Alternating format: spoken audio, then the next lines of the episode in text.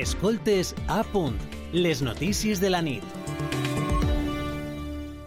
A la vora del 25N, el Dia Internacional de l'Eliminació de la Violència contra les Dones, té lloc a València el 21è Congrés Llatinoamericà de Sexologia i Educació Sexual i té lloc així a partir de demà, concretament els dies 24, 25 i 26 de novembre, de novembre perquè just fa 25 anys, era l'any 1997, que es va proclamar a València la Declaració de Drets Sexuals.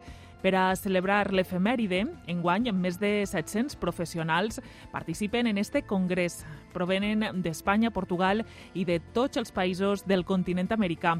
Es dediquen a l'estudi i la investigació en les diverses àrees de la sexologia.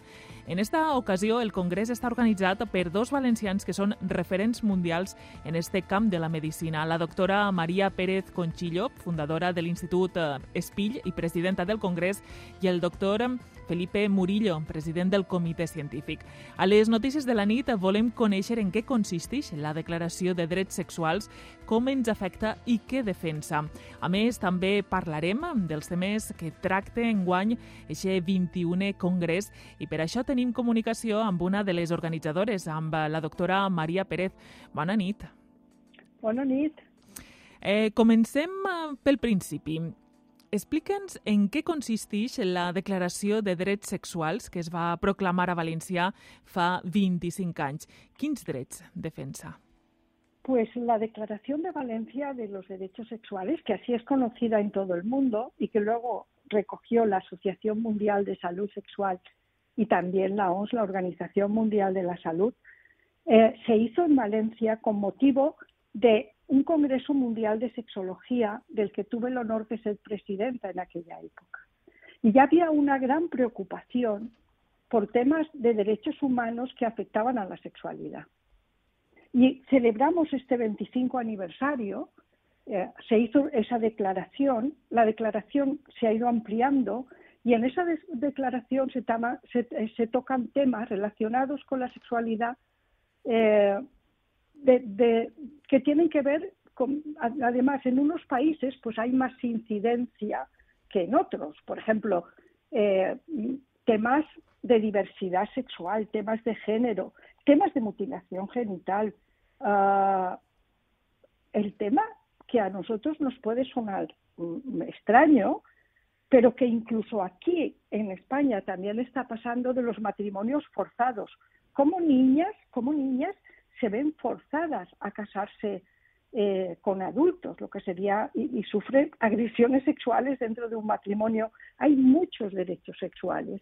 Entonces es todo lo que tiene que ver con derechos humanos y que está relacionado con la sexualidad. Uh -huh. Y en nuestro país, a mí, uno de los que más me preocupa, y estaba escuchando antes, son los derechos sexuales que tienen que ver con la infancia, con la adolescencia y con la juventud. Uh -huh. eh, perquè estem en el segle XXI i tot i això continua havent-hi molts tabús al voltant del sexe i de la sexologia. Eh, per tant, la pregunta seria com, com avancem cap a aquesta qüestió per a que tots aquests drets puguen ser com més reconeguts no? entre la societat? Pues mira, la verdad, en algunos aspectos hemos avanzado. pues en el tema de diversidad, en el tema de género, pero por ejemplo los derechos de la infancia, no. A mí me preocupa mucho el tema de abusos y agresiones sexuales, me preocupa muchísimo la, la prevención, cómo prevenimos esos problemas, eh, la falta de educación sexual, esa negligencia, esa eso es una reivindicación constante por parte de los profesionales y necesitamos que haya un compromiso por parte de los gobernantes, por parte de, los políticos, que realmente se tomen en serio esas medidas, porque la educación sexual es una educación para la convivencia, para el respeto. Y hay temas muy preocupantes, por ejemplo, agresores sexuales. En un informe eh, de el año pasado, eh, se hablaba de que un 30% de los agresores sexuales son menores de edad. Uh -huh. Sí, está incrementándose el nombre. Y está, eso lo sabemos, sabemos que se está incrementando. Y es una falta de responsabilidad, es una dejación de funciones por parte de los adultos. Tiene que haber políticas serias, políticas muy serias en educación, en bienestar social. No se están haciendo políticas serias con respecto a este tema. Eh, doctora Pérez, mm, abans mm, venia a, a, a dir no? que hi ha com una visió diferent segons l'àrea geogràfica d'on provenim. Això és així eh, al voltant del sexe i de la sexologia? Sí, así es. Yo durante, he trabajado durante muchos años, bueno, y sigo colaborando con la Asociación Mundial de Salud Sexual, he sido vicepresidenta dos veces. Entonces, eh, claro, la Asociación Mundial trabaja en todo, el mundo. Y, y, y, hay diferencias sustanciales. Por ejemplo, en los países africanos hay preocupaciones por matrimonios, por lo que decíamos antes, matrimonios forzados, todos los temas de derechos de la mujer, temas de mutilación genital, eh, temas de, persecución por orientación sexual, todo lo que tiene que ver con homosexualidad, que en algunos países eh, está castigado incluso con la pena de muerte. Es decir, hay muchos, muchos temas. En otros países, por ejemplo, no hay divorcio. Y el divorcio también es un derecho el derecho a poder vincularte con los demás libremente y a desvincularte. Entonces hay una gran mm, eh, necesidad de, que hablemos de derechos, de que en cada lugar pues unos van a ser más importantes que otros, pero la sexualidad es un derecho humano universal y así tenemos que considerarlo, porque somos seres sexuados desde que nacemos hasta que morimos. La sexualidad es una dimensión de nuestra personalidad y tiene un impacto muy importante en nuestra salud y en el bienestar social. Uh -huh. I, I com impacten les noves tecnologies en la nuestra salud sexual? Pues mira, es un tema que nos preocupa mucho también. A ver, tengo que decir que el acceso a Internet es un, es un derecho reconocido por Naciones Unidas. Es decir, las nuevas tecnologías, eh, estamos en la era digital, eso ya no se cuestiona, nuestros niños tienen que familiarizarse con ese tema. Pero de verdad nos ha cogido un poco de sorpresa y no somos conscientes de que además de tener una identidad física, tenemos una identidad digital y vamos dejando una huella digital y podemos eh, agredir digitalmente a otros con un impacto muy profundo, como sabemos. Podemos recordar que no hace mucho tiempo una mujer se suicidó por unos vídeos suyos que circulaban en Internet.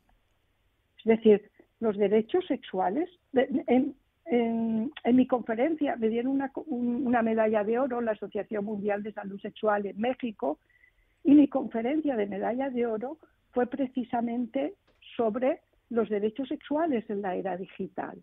Lo importante que es también en la educación, muy importante que eduquemos a nuestros niños, que eduquemos a nuestros jóvenes, que eduquemos a nuestras niñas en, ese respeto a los derechos sexuales, ese respeto a la convivencia, también en el mundo digital, porque forma parte de nosotros. Uh -huh. Uh, molt interessant tot el que ens explica. Suposa que hi haurà moltes novetats que es plantegen en este, en este congrés, ¿no? Pues eh, es, un congreso muy amplio. La sexología abarca, además del tema del erotismo, pues abarca temas relacionados con reproducción, entonces tenemos muchos temas relacionados con ese área, también relacionados con la vinculación amorosa, eh, también temas relacionados con el género. Por ejemplo, yo participaré en un simposio que va a tratar de qué hablamos cuando hablamos del amor. Porque la vinculación amorosa, el amor y el desamor, tienen un impacto emocional muy importante en nuestras vidas. ¿Quién no se ha enamorado? ¿Quién no ha tenido mal de amores? Los sexólogos lo sabemos porque vienen a nuestra consulta problemas sexuales y también amorosos y de pareja. Uh. Entonces son temas de, de mucho interés y que contribuyen mucho a nuestro bienestar. Certament. La veritat és que escoltant-la eh, jo crec que entren ganes no? d'anar a, a este 21è congrés llatinoamericà de sexologia i educació sexual que celebra aquests 25 anys de la Declaració de València de Drets Sexuals. No tenim més temps? Sí. Diga, diga. Sí, ya somos, ya somos más de 800. Ah. Ya somos más de 800 inscritos. Eh, el, todavía la inscripción está abierta, se pueden inscribir también a través online y todas las conferencias que hay, mm, casi 200, van a estar disponibles durante tres meses en, la web.